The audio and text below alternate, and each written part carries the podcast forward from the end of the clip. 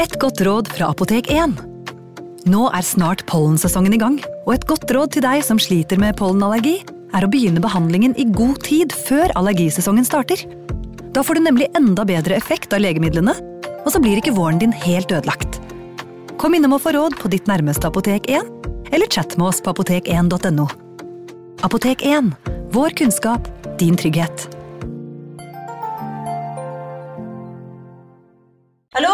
Jeg kommer fra Oslo politikammer. Ine Jansen er purk. Er du purk? The motherfucking bitch. Alt jeg vil, er å finne ut hva som skjedde med mannen min. Jon Carew. Er jeg sikta for noe? Iben Akeli. Det er du. Ole So, Lars Berrum og Big Daddy Karsten. Hvem sin side er du på, egentlig? Anette Hoff, Tone Danielsen, Kommer du fra Afrika? Jørnis Josef, Nesten. Kløfta. Trond Espen Seim, Det er synd å si det, men det var feil mann som døde. Purk. Premiere tirsdag på TV2 Play.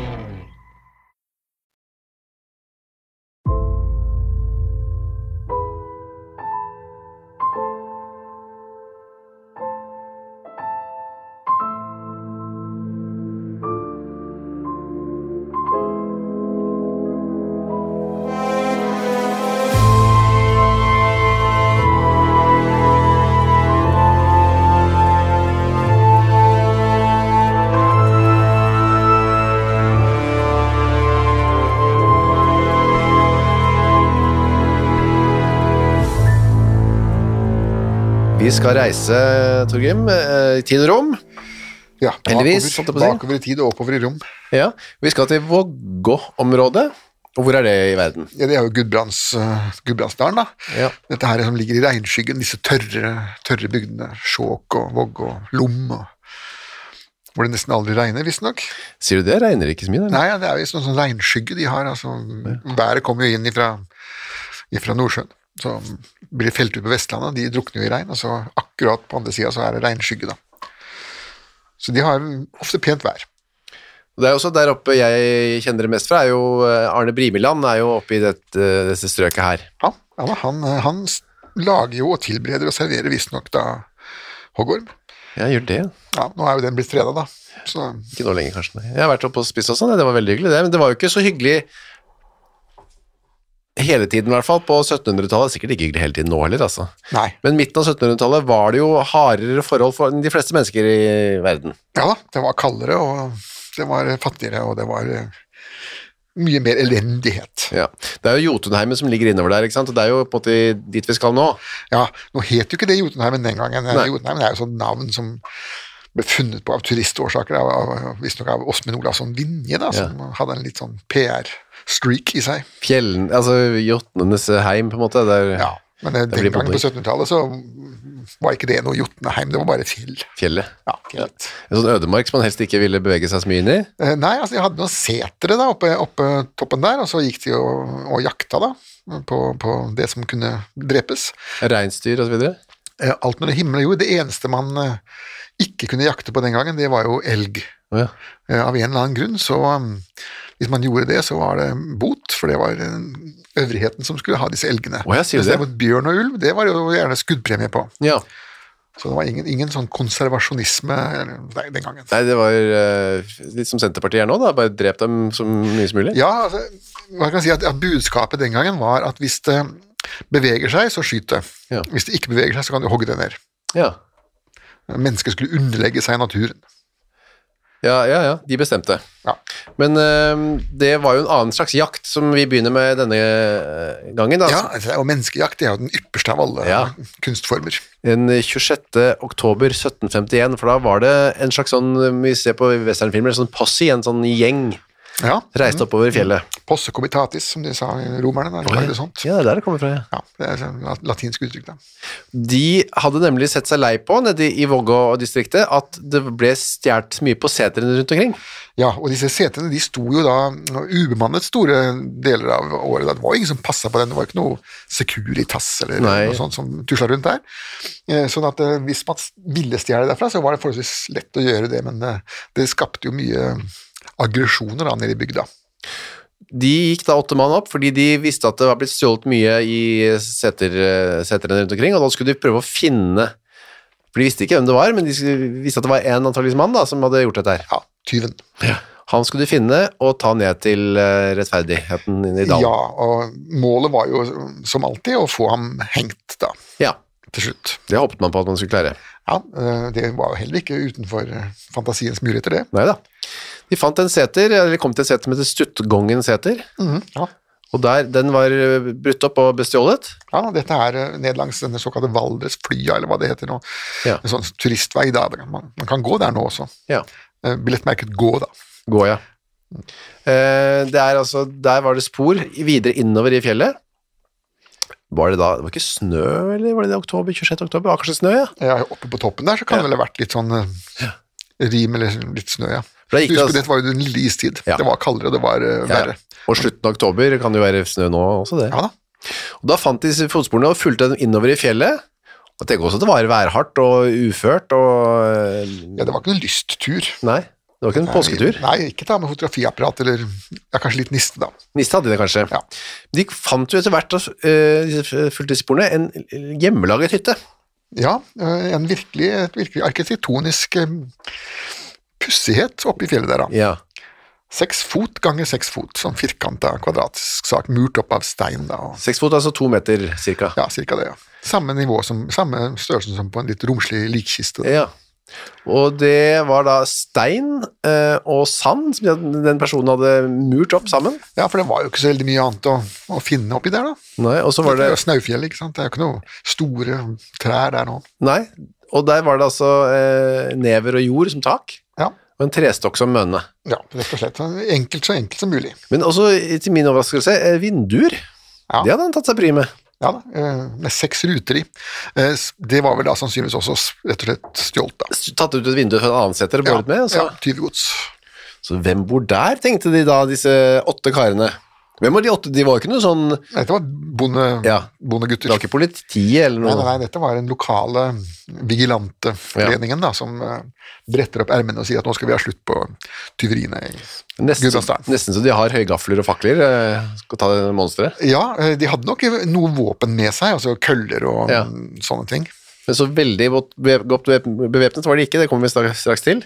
Nei, for de visste jo ikke helt hva det var de var opp mot, da. Eller hvem. Eller hvem. Så da de, de går opp og de liksom undersøker, de kan jo ikke se noe røyker noen, så de lurer jo på er det noen, er det noen her, og så går de litt opp på taket og undersøker denne gapahuken eller denne hytta da. Ja, prøver å finne ut av eh, Den har aldri sett før, og den er helt tydelig der, dette er noe som, som er nytt i området. De har jo vært der mange ganger før, de har jo Ja. setre der og har vært der på jakt, og de vet jo hvor de skal, og her er det da kommet noe nytt. Eh, Nå her mistenker du at det er noen, noen tvilsomme typer som har satt opp. Ja. Så er det en av disse karene, Jon Gundersen Døre. Ja, han finner da ut at han har lyst til å titte inn gjennom vinduet da, for å se om det er noen inne der, og da gjør han jo det. Ja, Og hva skjer da? Ja, da åpner jo det vinduet seg, og ut kommer et geværløp, og han fyrer da av. Så Jon Gundersen han blir felt som en okse der og da. Han faller om, blunker med øynene to ganger, trekker pusten dypt og dør. Ja, det tok ikke mange sekunder det. Han fikk skuddet midt i fleisen, så det Ja, uff da. Og da, det de gjør de syv andre da, de eh, løper og gjemmer seg. Ja, eh, nå behøvde det ikke gå så veldig langt, fordi at på 1700-tallet så, så man kunne ikke, det var ikke langdistanseskyting. altså Etter 100 meter så datt kula ned på bakken hvis de ikke hadde truffet noen ting. Det Ja. De brukte det som et, som et lengdemål den gangen. Altså det, det er så og så mange bøsseskudd eh, fra da til da. Ja, det, og det var ikke så veldig langt det. Nei, 100 meter Ja, 100 meter. Og Det var derfor også soldatene på 1700-tallet de kunne gå da i røde og gnistrende uniformer Ja. med masse dildal, så de var lett synlige, for det var, det var ikke noe poeng å gjemme seg, det var ikke noe poeng å ha kamuflasje. For at skuddene, hvis du, hvis du skjøt noen, så måtte du være innenfor 100 meter, og da så du dem uansett. Mm. Så var det først med de moderne riflene at folk begynte å kle seg i kaki og kamuflasjedrakter. Ja. Men de løper i hvert fall, la oss si de løper 110 meter, da, og så gjemmer de seg, og så ser de mot eh, denne hytta, og da ser de en person som kommer krypende ut. Ja, av Eh. en, dette er jo en meget lav hytte, da. Det er jo ikke sånn det er ikke høyt under taket, det er ikke 2,40 meter. 40. Nei. Så han kryper da ut med rifla i handa ut gjennom den lille døra han har lagd. Og da tenker de, nå skal ikke vi plage han der noe mer, han er farlig, så fortere seg hjem til Vågå. Ja, for at nå, han, nå han krøp da i retning av å forminske denne avstanden på 100 meter. Ja. Så var det best å komme seg til Vågå. ja, ned til mor. Og der bruker de mange dager på å samle mot og flere menn. Ja. mm.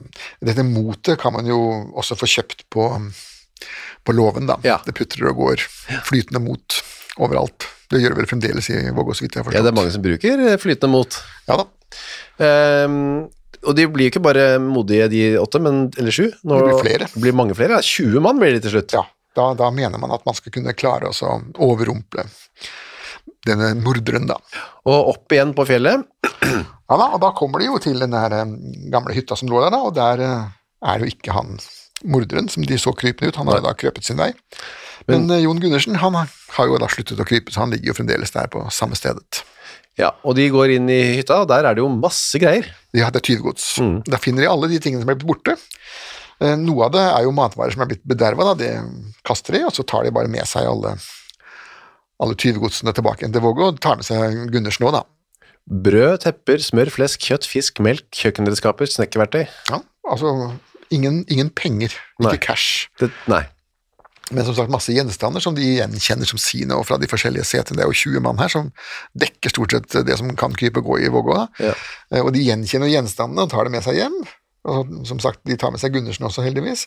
Og så river de ned hele stasen med hytta og stabbur og alt blir jevna med jorda. da. Det skal ikke fortjene å stå noe mer. Eh, litt synd, for det kunne vært en morsom turistattraksjon i dag. Ja, det, tenkte, det samme tenkte jeg på. Den skulle jo egentlig blitt stående. Eh, De hadde jo kunnet selge billetter eh, til den nå. Ja. Morderhulen på fjellet. Leid den ut. I påskeferien kunne man sikkert kose seg på det. Ja, for den som ikke har så mye mot å fryse. Så. Nei, man skal ikke ha det hvis man er på påskefjellet. Ja.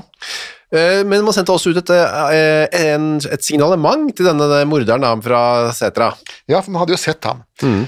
Og da skriver man det at han er mellom 22 og 23 år. Det er jo ganske presist eh, sett, syns jeg, da. Ja. Eh, Vel voksen av positur, altså en svær kar.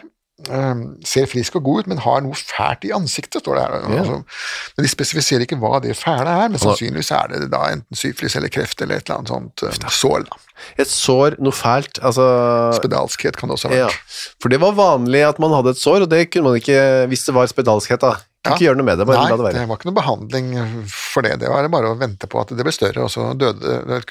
Og så, men som sagt, en så ung mann eh, er det vanskelig å tro at har kreft, men Ja. spedalskhet var jo veldig vanlig, og spesielt i Gudbrandsdalen var mye av det der oppe. Men gikk man bare rundt da med Folk hadde sår i ansiktet på den Ja, tiden. Det, det var ikke noe plastisk kirurgi, det var ikke noe behandling. Hvis du hadde sår som var syfilittiske, da interesserte seg staten for det. Ja. Da kunne du bli tatt inn til en såkalt salivasjonskur. Da fikk du så mye kvikksølv som du kunne tåle uten å dø av det, og siklet rant, og du spytta og greier, og så ville til slutt disse sårene da gro.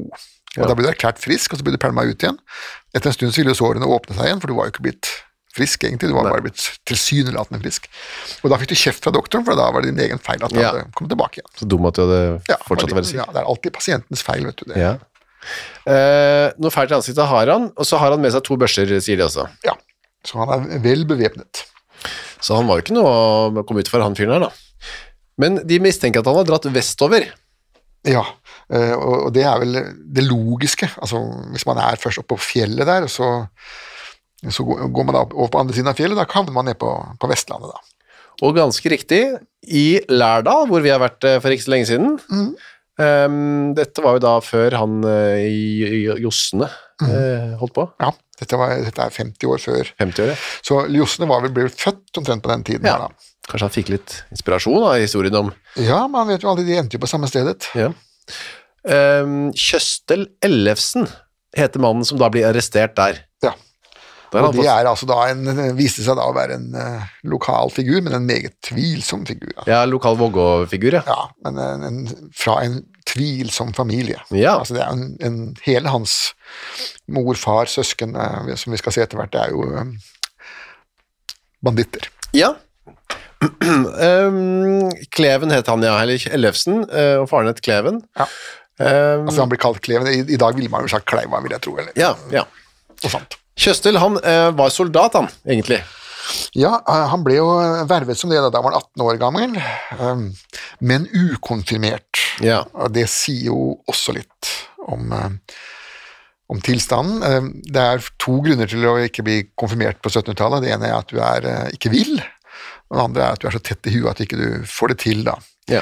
Eh, Den økonomiske belastningen ved konfirmasjon var jo null. ja. Det er ikke noe som i dag hvor man skal ha digre selskap. Jeg hadde ikke det den gangen. Det var jo, du gikk til, for presten, så ble du godkjent og ferdig med det. Fikk mm. test på det. Men disse selskapene og presangene som vi har i dag, de, de eksisterte ikke da. Nei, de snakket ikke om å- glede seg til konsten, for da skulle du få så mye penger og så. Nettopp, nettopp. Og jeg må ha en ny bankkonto og Ja. bygge pengebinger i hagen og sånn. Nei, det var ikke det. Men han var altså ikke det, men han var blitt soldat i eh, det rømelingske regiment. Ja, disse regimentene, de, de Det var jo to typer regimenter. Det var de nasjonale, eh, som altså var mm, vernepliktige. Ja, hvor du ble innkalt, ja. Ja, men så var det de vervede, og det, de vervede de ble gjerne oppkalt etter den offiseren som eh, var øverste sjef. Ja. Man hadde det Ulriksdalske regiment og det Rømelingske regiment, og du kan si det er litt pussig å hete Rømling, men det, det er faktisk et gammelt og godt militærnavn i Norge. Det, altså, Ja. det var generaler og oberster over hele fjerne det. Jobst Konrad Rømling het han generalmajoren der. Ja, det er mars martialsk navn, det. Det lukter jo kuler og krutt. Ja, absolutt. Og under, under litt lenger ned i rekten der, så var det en som het Adam Rick. Ja, han var bare en vanlig løytnant, da. Ja. Og det var, gikk jo 14 på dusinet av. Simen Bjørnstjerne Bjørnson skriver det i en, i en fallitt at hvert hus skal ha sin løytnant. Og det sier det. Og da mente han en sånn døgenikt av en uniformert person som bare lå rundt og som en hannkatt og snuste på døtrene i rikmannshusene. Ja vel, ja. Uansett så ble vår eh, venn, da, Kjøstel, en slags opppass... Kjøstel er forresten ganske uvanlig navn i dag. Ja da, det er ikke mange som heter det nå, det, men det var vanlig før. Det er ikke Kjostolf, det er jo likt, da, men Eh, Kjostolf, eh, det er vel en person som nettopp har tatt det navnet. Ja. Kjost, eller var det, eller var det Fjotolf? Fjotolf eh, Fjotolf var det, ja. ja. Ja. Det ligner jo litt, da. Nei da, eh, Kjøstel, uansett eh, hvor uvanlig det var, så tok han seg eh, Eller han fikk, da, i jobb å være oppasser for denne løytnant Rik. Ja, eh, det var nemlig slik at han var fremdeles ukonfirmert. Ja. Eh, Og når han da ble vervet til Forsvaret, så var det deres jobb, det var da Forsvarets jobb å få ham konfirmert. Ja. Og før han var konfirmert, så kunne ikke han få skarpe våpen. Og jeg måtte må være det, ja. Han måtte være konfirmert for å drepe folk i den norske armé. ja. Eh, Er det så- fremdeles sånn? Jeg tror, Det vet jeg faktisk ikke. Ja, det- det må vi spørre en eller annen generalmajor om. Ja, ja. Eh, Jeg kan bare si sånn at jeg er jo ikke konfirmert, Jeg, og jeg fikk jo utlevert både luger og skarpe skudd i min tid, og skjøt som bare det. Skjøt ikke så mange folk? Nei, Jeg skjøt pappfigurer. Pappfigur, ja. Jeg fikk faktisk uh, utmerket skyting oh, ja, i sin tid. Ja. Burde hatt, kunne hatt en karriere, du da. Det er uhyggelig gøy å skyte med pistol, men uh, verdt til sin tid. Ja. Uh, han ble da konfirmert i tjeneste, var det du skulle fram til? Ja, han ble ikke konfirmert i tjenesten, han ble derfor satt til å være oppasser. Ja. Altså, mens man ventet på å få denne litt trege bondegutten konfirmert, så kunne han da vaske opp etter løytnant Rick, og vaske og legge ut klærne hans, og kanskje til og med strigle hesten hans, gjøre sånn ja. Hushjelpsarbeid. da. personlig assistentaktig. Ja, rett og slett. Oppasser, det var veldig vanlig å ha det. Og offiserer, de, eh, de var gjerne litt fine på det den gangen. Ja. Um, mens han er eh, oppasser og er i militær karriere, så er han eh, på permisjon hjemme i Vågå, Ulykkeligvis, ja. og ender opp med å ligge med sin kusine, da, Ja, Kari. ja så det var det skarpe skuddet han fikk skutt Ja. før, før han ble dimmet. Det gjorde, fikk sine konsekvenser, det, da. Jo, eh, det jo Det var jo kusina si, da. Ja. Det var jo ikke lov den gangen. Nei. Eh, Jeg er faktisk ikke helt sikker på om det er lov i dag Jeg tror det er lov i dag, jeg. Tremenningen er vel greit, Ja, iallfall. Ja, Olav og Nei, Håkon og Maud, var ikke de Nei, Olav og Märtha, var ikke de De var eh, vel fetter og kusine, ja. Fetter og kusiner, ja. Uh, Kongehuset drev jo med- det den gangen også. Mm. uh, Mens eh, de fikk jo da gjerne en sånn tillatelse, da. Ja, for de måtte nesten gjøre det, for de kunne ikke vanne ut blodet sitt. Eh, Nettopp, og så, så Men det de virkeligheten gjorde, var jo så gjorde det blodet så tykt etter hvert at Ja, litt for utsikt, Ja. Ok, men da eh, For da er det litt sånn trussel da, om at de skal eh, i fengsel, disse her. Ja, rett og slett. Altså, det her var jo Den gangen var jo det forbudt. Mhm. Eh, Hvis, du, hvis du Det var flere paragrafer. Hvis du hadde sex med en som var enda nærmere beslektet, altså mor, far, da, da skulle jo på en måte halshugges. Ja. Men hvis det var fetter og kusine, da, da ble det en slags form for eh, bøtestraff, pluss at de da ble enten sendt til fiskeleiene hvis du var dame, Ja. og være slave for uh, fiskerne i Nord-Norge, eller til bergverkene, da, altså Røros, Kongsberg, og trelle der eh, som slave. ja to, tre eller fire år. Ja. Eh, så det lå det an til at de skulle, da. ja, og det ble gjort, det. Ja. Ja, det, ble, det er masse øh, Ukas annonsør er Cura of Sweden. Visste du at verdens søvndag feires den 15. mars? Nei. Det er en dag som er til for å skape oppmerksomhet rundt dette med søvn. da. Og så er det en god anledning til å tenke over dette med egne søvnvaner. Jeg er jo veldig glad i å sove, jeg er så glad i å tenke på å sove, og så veldig glad i å glede meg til å legge meg. Jeg så på Squid Game med familien her eh, rundt juletider. Der legger jo deltakerne seg eh, hver kveld da, i sengene sine, og da, det kunne jeg nesten synes var høydepunktet av Squid Game, var når deltakerne la seg. Jeg synes det så så deilig ut å legge seg. Nå hadde ikke de Cura of Sweden vektdyner, da, riktignok, eh, som hadde gjort det enda bedre. Det er en ny studie nå fra Uppsala universitet som viser at vektdyne, bruken av det, øker melatoninnivået hos friske unge voksne eh, når de legger seg. Da. Og melatonin det utskilles for å fortelle kroppen at det er på tide å sove, og så kan det bidra til å øke trøttheten. Da. Med andre ord, har du en vektdyne fra Cura of Sweden, så får du mer melatonin og enda bedre søvn. da. I tillegg til vektdyner og tepper, så har Cura også andre produkter som skal gjøre søvnkvaliteten vår bedre, blant annet AirTemp-madrassen de har, som hjelper til med å regulere kroppstemperaturen. Altså, det er så mye å boltre seg i for oss som er glad i å sove. Og fram til 15. mars så feirer Cura verdens søvndag med opptil 60% rabatt på curaofsweden.no. Og bruker du koden vår HENRETT med to t-er, får du i tillegg 25% avslag på både originale og nedsatte priser. Sov godt! Ukas annonsør er Next Story. På Next Story så finner du hundretusenvis av eh, e-bøker og lydbøker. Du finner folk som jeg har uh, intervjuet og snakket med, og liker bøkene til. Agnes Ravatn, hennes siste bok. Gjesten er der. Nina Lykke, sin siste bok. Vi er ikke her for å ha det morsomt, er der. Og så er det jo det er krim, biografier, essays, uh, romantikk, sannhistorier, barnebøker, faktabøker, spenningsbøker, science fiction Alt mulig du kan tenke deg. Og også bok av uh, Torgrim Sørnes. De henrettede igjen, Ondskap, for eksempel. Det er da uh, Torgrims gjennomgang av en del av sakene fra 1800-tallet, som endte da med halshugging, da, som de gjerne gjorde. Uh, for eksempel Kristoffer Svartbekken, denne snikmorderen fra um, Elverumsdraktene, som pryder også coveret, ser jeg, skummel type. Eller da, som sagt, forferdelig mye annet. Gå inn på nextstory.no skråstrek henrettelse registrer deg der, så får du seks uker gratis tilgang til nesten uendelig mange bøker. God fornøyelse! Hannkatter som er blitt sendt til eh, både Røros og Kongsberg og Kvikne. og Vi hadde jo masse bergverker den gangen. Ja. Det var jo ikke sånn som nå at det ikke var gruver i Norge. Det vrimla jo av gruver i Norge. Og de kunne bli sendt der, og da var det å jobbe der uten lønn. Ja, uten lønn, selvfølgelig. Ja, ja, det var jo slaveri, da. Ja. Man fikk også dette barnet, kom jo til verden da, som, eh, og ble døpt Ole. Ja, det var jo skikkelig originalt. Ja, 1750 var dette. Mm. Og da skriver presten at eh, barnefaren er fremdeles ukonfirmert. Da, ja, fremdeles. Rynke på nesa av det, da. Det er ikke god stemning, det. Nei, og det, for en dame å ha sex med en ukonfirmert dreng, det ja. var jo eh, også noe man virkelig rynket på nesen av. Det, det, burde de damene vite bedre, mente man da. Det var mye rynking i Vågå eh, ja. rundt dette her? Ja, men, men, det var også det det var. Man ja. gjorde ikke noe annet. Altså, Bygde-Norge sto og så på katastrofene rulle opp, og de rynket på nesen, og de sa Men de foretok seg jo ikke noe. Nei. Den som foretok seg noe, var jo Kjøstel, da. Ja. Han eh, slo seg nå like godt, tenkte at det går til helvete uansett, så jeg kan like gjerne gjøre det beste ut av det mens jeg kan. Ja. Han eh, rakk da å bli eh, tvangskonfirmert. Ja, det rakk han, ja. Men så rakk han også bryte opp eh, pengeskrinet til løytnant Rick. Ja.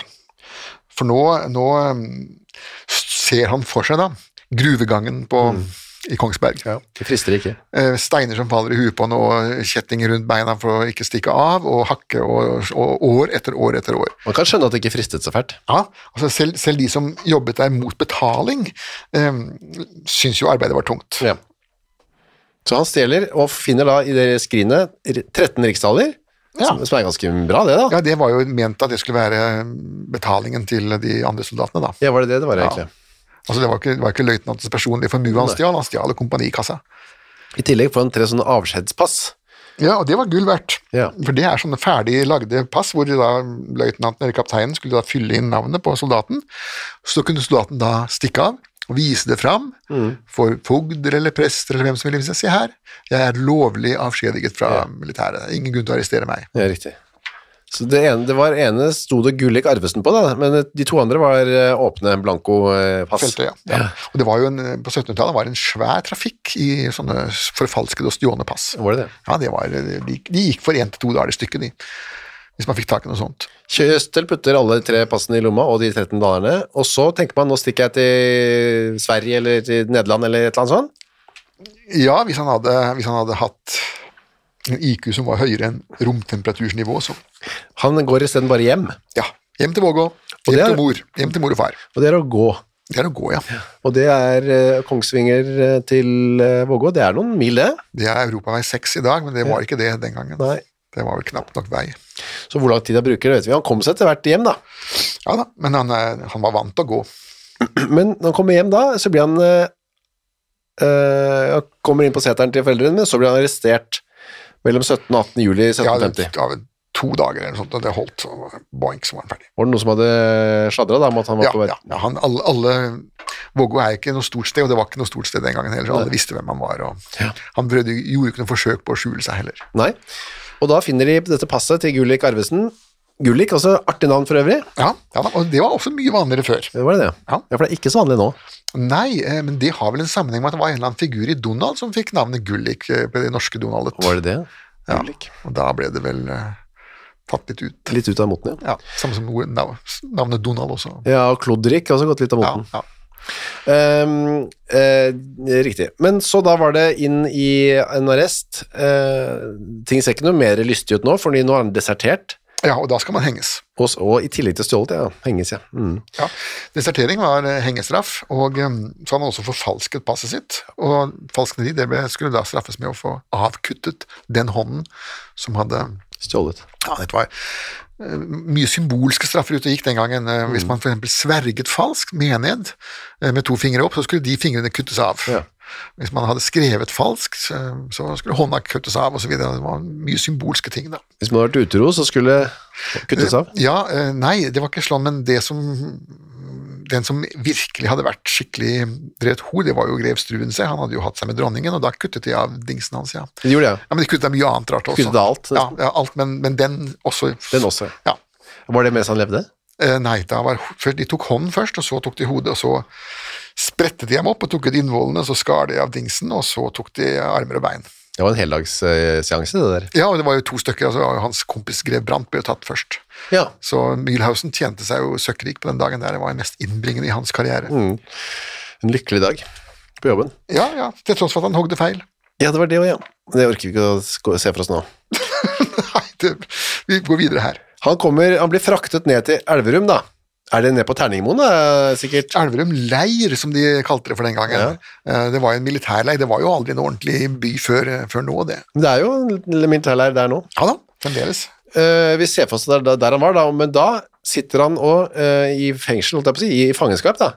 Men ikke verre enn at han spiller kort uh, eller terning med fire menige og en underoffiser som Ja, skal altså passe de, på han. de, som, de som er eh, vaktstyrken hans, da. Ja. Eh, De sitter og drikker, og så spiller de terninger, og det er faktisk såpass ille at sersjanten må låne penger av fangen Ja. for å kunne spille videre. De spiller jo om penger, de spiller jo ikke for moro skyld. Så det er såpass løs eh, snipp er det på vaktholdet, det har vi jo vært innom mange ganger før, at det var ikke så nøye alltid å passe på folk. Nei. Det var veldig troskyldige mennesker da, som eh, trodde at alle var ærlige og snille. Sersjant Glad het han som lånte ja, penger. Fantastisk navn. Ja. Han ender, dette ender opp med at han slår seg løs. Jeg vet ikke helt hvor eh, mye slagsmål det egentlig ble, da. Nei, du kan si at hvis, eh, hvis med eh, fire mann som har drukket tett, så minsker jo litt slagkraften deres da. Mm. Han kom seg i hvert fall løs fra disse fem vakterne. vakt, eh, vokterne, Ja da. Og ut i friheten på Elverum, og da strake veien tilbake til Vågå. Intet lært, intet glemt. Nei, da er det den samme lange, fæle turen der. Ja, enda Sverige er jo nå nærmest bare et steinkast unna, da. et par børseskudd unna. Ja, Hadde han kommet seg over grensen, så hadde jo hans uh, liv fortont seg litt annerledes. Uh, for ikke si at- han hadde hatt et liv, da. For hadde, vi hadde utleveringsavtale med Sverige, det hadde vi det såkalte kartellet. Men um, da måtte man jo først finne den. Det er det. Uansett så ble ikke det noe aktuelt, for han gikk til Vågå, men da var han bare hjemme et par dager, sikkert klok av skade da. Ja, noe, har- noe har han jo lært. Ja, så han kommer seg videre før han blir tatt, og ned til Molde etter hvert. Ja, altså videre oppover langs Gudbrandsdalen, og så går man ned på fjellet på andre sida. Så det var en skikkelig tur, det òg, da. Ja, om det fikk, ja, ja, det var en sommer, så det var sikkert deilig. Ja, ja, man kan jo arrangere turer i kjøstels fotspor. Ja, det går an. Kommer til Molde, får seg tjeneste der som det, Jeg vet ikke hva han fikk seg tjeneste som. Molde var den gangen en ganske intens arbeidskrevende sted. Ja. Eh, alle fiskebåtene som kommer inn der, du hadde sykehus der, det store Reknes eh, hospital, og alle bøndene rundt trengte ufaglært arbeidskraft som ikke skulle koste all verden, til gjengjeld så spurte ikke bøndene om eh, pass. Det var sånn det fungerte. Ja. Man hadde et eller annet å selge, så solgte man det veldig billig i, mot å ikke bli eh, spurt. Riktig, ikke spør. Um, hennes, eller hans, eh, ikke kjæreste kanskje, men kusine, da, Kari, moren til denne sønnen hans, ble Ja, hun havnet på tukthus i Kristiania, da. ja, som straff for denne, dette leiemålet. Ja. Og Der var det slik at uh, når damer med små barn kom dit, så, så fikk de ha barnet hos seg til det var enten død eller avvent av puppen. Ja. Og i det øyeblikket det var det, så måtte barnet tilbake igjen. Hvis det fremdeles levde, da ble det da havna et annet sted. Hos noen besteforeldre eller eller Ja, som regel noen slektninger. Veldig ofte i kista. I kista, ja. Vi vet, vet vi åssen det gikk med lille Ole? Nei. Men, er ute av historien.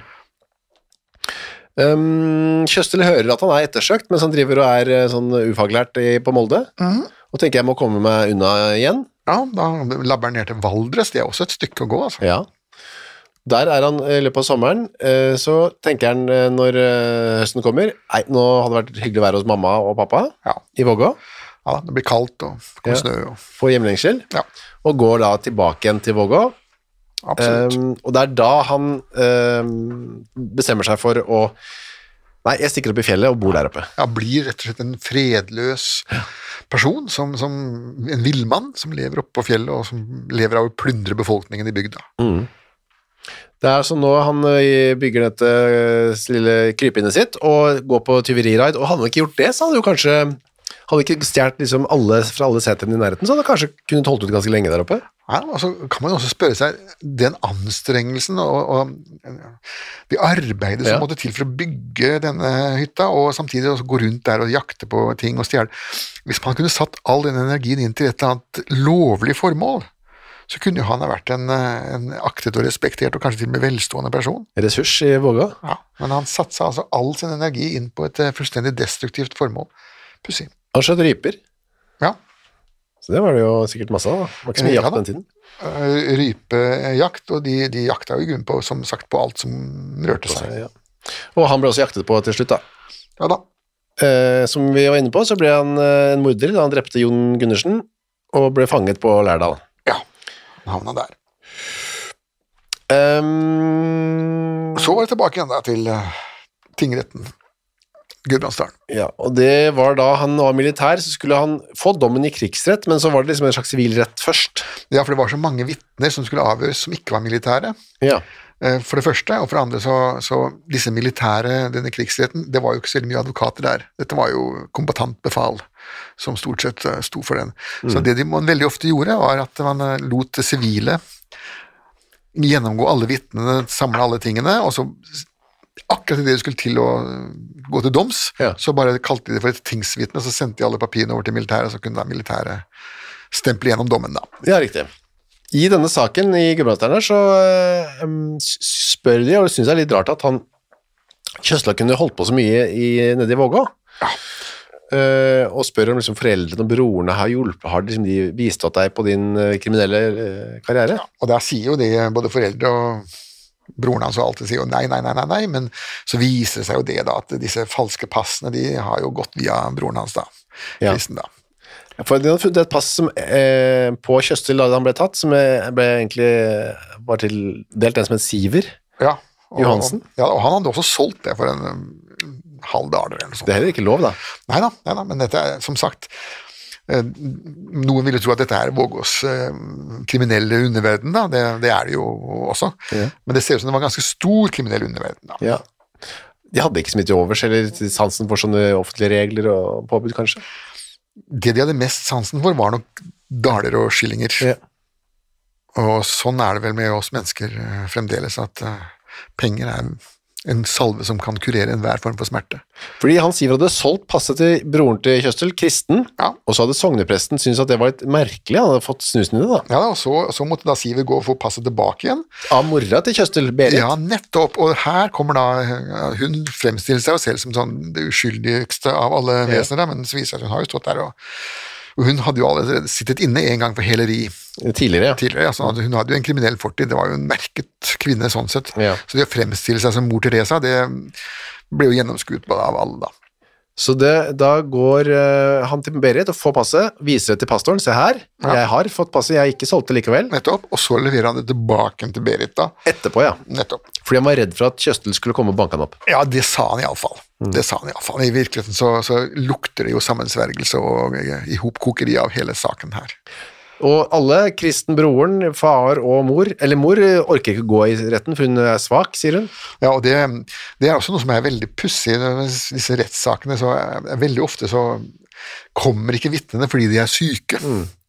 Og det de da gjorde, det var at da sendte de to rettsbetjenter hjem til vedkommende og foretok et avhør på sengekanten. da. Ja. Men ble det gjort her, egentlig? Nei, det, i, i, her gjorde man det ikke, men eh, som vi skal se, så fikk jo det konsekvenser for Berit, da. Senere, ja. Ja. Nei, så det, men her er det jo ikke så mye de lurer på, for her er det jo, altså han har gjort så mye Kjøstel, uansett hva foreldrene har gjort eller ikke gjort. Ja, Pluss at her sto jo da eh, seks mann og så på at han skjøt. Ja. Eh, så, så det var jo nærmest en offentlig henrettelse som de foretok der oppe. Ja, det var ikke noe å komme seg ut, utenom dette her for Kjøstel. Uh, nei, det er også den, den, denne Han hadde jo, hadde jo kanskje ikke den stjerneadvokaten som forsvarer heller, da. Nei. Uh, Han hadde faktisk ikke noen advokat som forsvarer i det hele tatt. Han hadde en student Ja. som ikke tok eh, eksamen før i eh, 1762, altså nesten ti år, over ti år seinere. Han fikk øve seg litt som som ungstudent på Kjøstel og forsvare en Ja, og dette er jo sånn som vi har sett før, at de ordentlige prokuratorene de eh, hadde ikke så veldig lyst til å påta seg som forsvareroppdraget, for det var jo både tidkrevende og vanskelig, og så veldig lite betalt. Ja. Så de ble beordret til det, da. Han ble dømt etter flere paragrafer da, blant annet den der stimanns landeveisrøverimannen-paragrafen da. Ja, eller han, Den dommen den foregikk jo da ikke i Nord-Gudbrandsdalen, men ved, militærdomstolen i Kongsvinger. Ja, de tok over da. Ja, for Det var der han hørte hjemme mer rent militært. Og Det var jo da Holk, da, eh, oberst Holk, han eh, dro fram den militære straffelov. De hadde egen militær straffelov. Ja. Eh, og der var det paragraf 21, da, som Mitt harterem tådig straffet verden, som det sto da. Med hard dødsstraff, ja. Ja. Men det var også en landeveisreveri kom inn, en Ja, da, så, og så henviser han til den sivile lovboken, Ja. eh, paragraf 692, 612. Eh, og der hvis da noen ligger i, skog eller skjul, Ja. da skal allmuen forfølge og fange den, som det het. Og hvis han da ikke kan eh, gjøre rede for seg, så eh, skal han til evig fengsel. Men hvis han skyter noen, eller dreper noen, dreper noen, da skal han legges på steile og hjul. Og det vil altså med si at da skal hodet opp på en stake, og så skal kroppen på, en, på et vognhjul, og så skal de heises opp på en stake, og der skal det ligge til kråkemat. Og det ble altså dommen Kjøstel fikk. Det var den eh, militære dommen han fikk, ja. Av med høyre hånd, opp og av med hodet, og så hodet, hånd, hånd, kropp, opp på steilehjulet. ja. Og kongen godtok det tvert. Så da er det tilbake til Galgebakken, da, hvor vi har vært før. Ja da, utenfor det, det numera fasjonable boligstrøket der, hvor med, Ja. så vidt jeg har forstått, med doble garasjer og smijernsporter og Med, og ganske mye blod i grunnen under der, da. Ja, eh, det lønner seg vel å plante rododendron, ikke grave så veldig dypt Nei, i hagen, hvis man ikke har spesielle interesser, da kan man finne spennende saker og ting der. Ja, men da må du jo ringe til uh, Ja. Riksarkivaren, Riksarkivaren, eller eh, Riksantikvaren, er vel som tar seg av sånne. Det er ikke bare å henge opp det i- til pynt inne, nei. Uh, nei, og hvis man går rundt på Kongsvinger og ser at det er noen som har en hodeskalle med et stearinlys i på kjøkkenbenken, så må man ringe til Da kan det være Kjøstel, Kjøstel som uh, står der. Ja da. Ta bilde av det og send til oss før dere ringer til. Ja. Ja, det var Frans Gottschalk Ledel som eh, tok seg turen fra Ja, det var hans tiende forretning. Han begynte etter hvert å bli en erfaren branne, han. En ung mann fremdeles. Og det gikk som smurt, det. Ja da. Eh, det var ikke alltid at det gikk like smurt for han heller, men eh, denne gangen gikk det glatt. Ja. Og da opp med Kjøstels eh, respektive deler, holdt jeg på å si. Var Ja på Der, steile hjul. der, der hang de da til, til det ikke var så mye mer enn knoklene igjen av dem. da. Men men mens de hang der, så ble jo pappa sendt inn. Ja, han eh, fikk to år på for det, sin deltakelse i dette. Han hadde jo skjult Skjult sønnen, ja. eh, sønnen sin. Så han fikk to år på festningen som slave, og da går han der og surrer da, med jern rundt føttene og titter av og til ut gjennom fangehullet. Da ser han sin sønn da henge på som kråkemat. ja. Og så var det eh, Berit, mora, Ja, hun kom på tukthuset, ja, det var i Kristiania da. og sammen med sønnen Kristen. Ja, han også, så lang, og de fikk sånn ubestemt tuktusstraff. altså Ja. Eh, sånn som vi sa i gamle dager til barna våre, nå kan du sitte der til du har blitt, du har blitt snill. Ja. Eh, og, og det var jo sånn med tukthuset da, den straffen de fikk, det var at nå kan du være der til direktørene mener at du kan komme ut blant folk igjen. Så det var en Vi vet jo ikke hvor lang tid det tok. Vet Nei, du det kan ha vært en helt, ube, helt ubestemt straff. Det. Det, og da kanskje de sitter der ennå? Eh, det var jo en ganske høy dødelighet Ja. De. Det var jo ikke noe sånn veldig gunstig sted å være det heller, da. Nei. I forhold til en bondegård på Vågå. Vi får eh, tro at de kanskje kom ut og gjenforentes der oppe. Til og med Siver Hans, til og med, til og med han Siver, han hadde jo solgt dette passet. Ja. Han fikk jo ett år for det. Han satt på festningen, han Ja, også. ett år for å ha solgt et eh, pass for en halv daler. Så det var, de fikk sin straff, og ferdig med det. Ja, Som så det ofte er i disse historiene våre, da. ja da, det, det slutter alltid bra.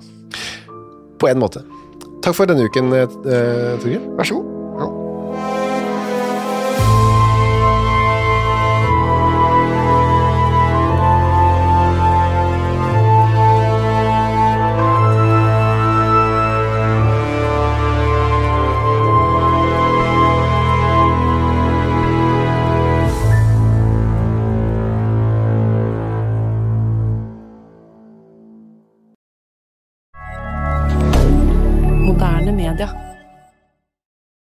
Har du et enkeltpersonforetak eller en liten bedrift?